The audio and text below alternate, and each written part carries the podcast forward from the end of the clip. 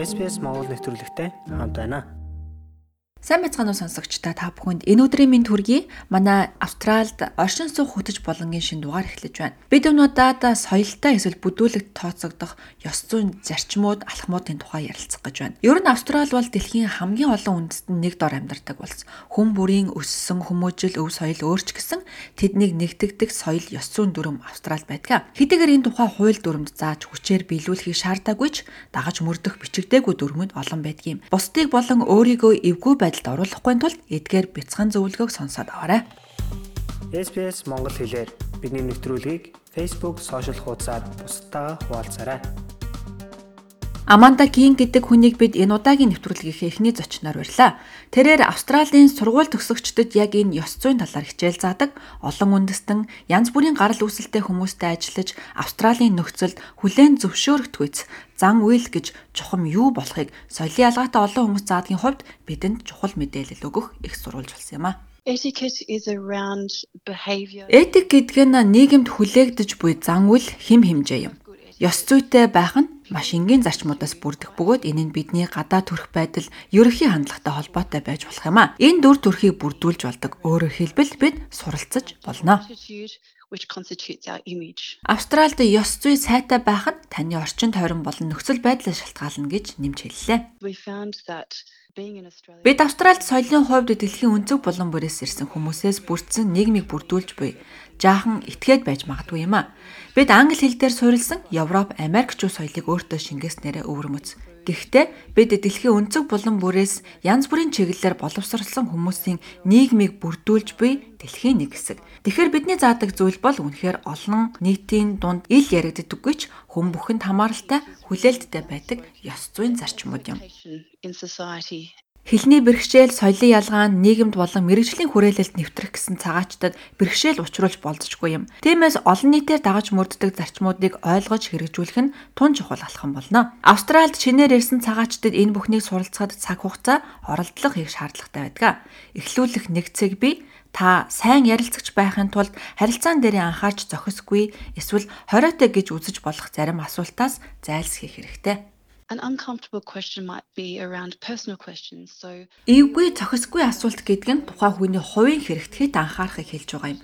Ялангуяа сайн мэдэхгүй хүмүүстэй уулзахдаа гэр бүлийн байдал, санхүү, шашин шүтлэг, улс төртэй холбоотой асуулт тавих нь зохисгүй. Хүмүүстэй танилцаад удаагүй бол нийтлэг сэдвээр ярилцаж харилцаагаа ахиулж болох юм. Тиймээс бид хүний гомдоохоор хувийн асуултаас илүү өөр сэдвүүдээр ярих хэрэгтэй. Үндэстэн соёл болгон тохирох эсвэл зохисгүй гэж үздэг өөр өөр стандарт байдаг. Бид Австралид олон жил амьдарч байгаа хүмүүсээс ёс зүйн алдаанд тооцогдох зохисгүй ярианы сэдв гэж чухам юуг ойлгох талаар ярилцсан юм а. Вин Мэс юу гэдэг Хонконг гаралтай Австралид 10 жил амьдарсан хүний яриаг одоо хүргэе. Нэг жишээ дуртахад эцэг их өвөө маань намайг баг байхад за хоол ундаа сайн идэх хэрэгтэй. Эсвэл чи тарган байгаа учраас баг идээрэй гэх мэтчлэн хэлтгэл байсан.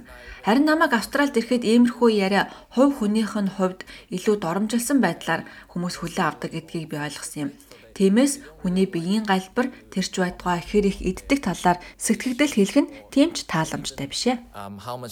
Тэгвэл Марокко улсаас Австралид ирж 15 жил амьдарсан Сарагийн хэлж байгаагаар түүний хувьд энгийн байж болох асуултууд Австралид бол бүдүүлэгт тооцогддог юм гэдгийг тэрээр энэ дээрээд ойлгожээ. If a couple gets married for Гэр бүл болоод олон жил болон хосууд хүүхэдтэй болоогүй бол хүмүүрл яагаад хүүхэдгүй байгаад байна? Яасын эмчит үзүүлсэн үү гэх мэтчлэн асуудаг.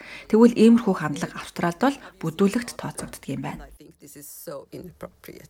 Хүний хувийн санхүүгийн талаар асуух нь угаасаа бүдүүлэг. Тэгэд ч хүмүүс нэг их асуугаад байдаггүй. Зарим арабын соёлд саяхан танилцсан хүмүүсээс гэр бүлийн байдлынхын талаар асуух нь ёс зүйн хэрэг болдог. Yeah, especially the person is more than 25. There is a problem. Тийм ээ. Ялангуяа тэр хүн 25-аас дээш настай бол хэрв тэр гэрлээгүй бол энэ асуулт чинь магадгүй та хоёрын ярианы төгсгөл байж болно. За тэгэл яриа цааш нь яагаад гэж асуухан гарцаагүй хэрвээ тэр гэрэлсэн хүүхдгүй бол нэг асуудал байгаа юм шүү. Имжлүүлээч ээ, үзүүлээч. За тэр ч байтугай ямар эмчэд үзүүлдیں тэр эмчээ солих хэрэгтэй юм биш үү гэж яриад байвал энэ яриа нэг л эвгүй байдалд хүрнэ.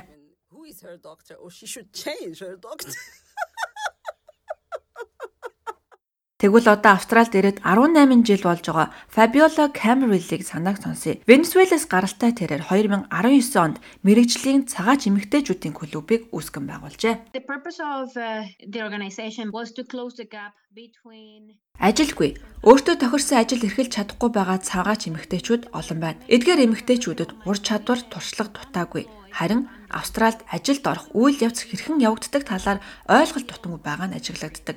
Тиймээс энэ орон зайг нөхөх зорилгоор манай байгууллага байгуулагдсан юм а. Энэ сүлжээ Австралийн хөдөлмөрийн зах зээлд нэвтрэхийг зорж байгаа гадаадын эмэгтэйчүүдэд зөвлөгөө өгөх, тэднийг чадваржуулах зорилготой юм а. Соёлын ялгаатай байдал нь эдгээр ур чадвартай эмэгтэйчүүд мэрэгчлэрээ ажиллахад certain things Зарим энгийн зүйлийг сурахад амаргүй байх ч үе бий. Зарим хүмүүс ажилдаа санаачлагтай ажиллахыг хүсдэг. Гэхдээ тэдний өөрсдийн соёлтой холбоотойгоор энэ санаачлагаа гаргаж чадахгүй байх ч үе байдаг. Кэмбл хүмүүстэй холбоо тогтоох үед баримтлах чухал нэг зарчим бол бусдад хэд халдахгүй байх. За хэрвээ мэрэгжлийн түвшинд буюу ажлын шугамар холбогдож байгаа бол хүндэтгэлтэй байх хэрэгтэй гэлээ. Ярилцаж байгаа хүнээ өөрийн түүхээ ярих боломжийг нь олго. Тэднээс суралцах завшаанч байж болох юм а. Магадгүй та яаж анх ажилд орж исэн бэ? Яагаад энэ салбарт ажиллах болсон гэх мэтчлэн яриа өрнүүлж болох юм. Ярилцлагыг нөгөө хүнд тааламжтай байлгахыг хичээгээрэй. Хадагтай Кэмблийн хувьд бусдыг гомдоож эвгүй байдалд оруулахгүй тулд зайлсхийх нэг чухал зөвлөмж бол please баярлаа гэх мэт ээлдэг үгийг тогтмол ашиглах явдал гэлээ. Гэхдээ эдгээр үгсийг хэд олон удаа хэлж болохгүй. Учир нь та хитрхийн нялуун болж магадгүй юм. Австральд та англиар ярьж байгаа бол please гэдэг үгийг хэрэглэж байгаарай. За магадгүй өөр хэлээр испаниар ч юм уу can I have the water гэж хэлэх нь үнэхээр ээлдэг тооцогдно. Харин үүнийг англи хэл дээр хэлэх юм бол та could you гэдэг үг нэмээд араас нь please гэдэг үгийг хэлэх хэрэгтэй. but then I have to add please. Мөн хүнтэй ярьж байхдаа тухайн хүнийхээ сэтгэгдлийг асууж болно. Ингэснээр та англи хэлний нарийн ширийн үг хэллэг сурахаас гадна харилцааны хэв маягаа сайжруулж болно гэж тэрээр мөн зөвлөлөө. I explain to people that English is not my first language. Um, Би англи хэл бол миний төрөлх хэл биш гэдгээ эхлээд хүмүүс тайлбарлаж хэлдэг.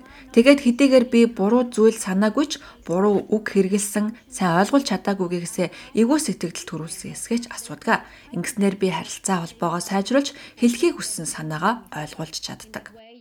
I can improve my communication and still deliver the intended message. Мөн түнчлэн Эдкийн багш Амата Кингийн хэлж байгаагаар хувийн ч бай, албаны ч бай нөхцөл байдалд цагаа барих нь маш чухал гэж зөвлөж байна. Хэрв та уулзалтаасаа хоцорч байгаа бол доор хаяж 15-аас 20 минутын өмнө зохион байгуулагчдаа хоцорч байгаа тухайга мэдэгдэх хэрэгтэй. Мөн өөрийгөө бусдад ойлгомжтой, ихтгэлтэйгээр танилцуулж байгаарай. Лайк, шеэр, комент үлдээгээрэй. SBS Монгол Facebook хуудсыг дагахаа мартаоцай.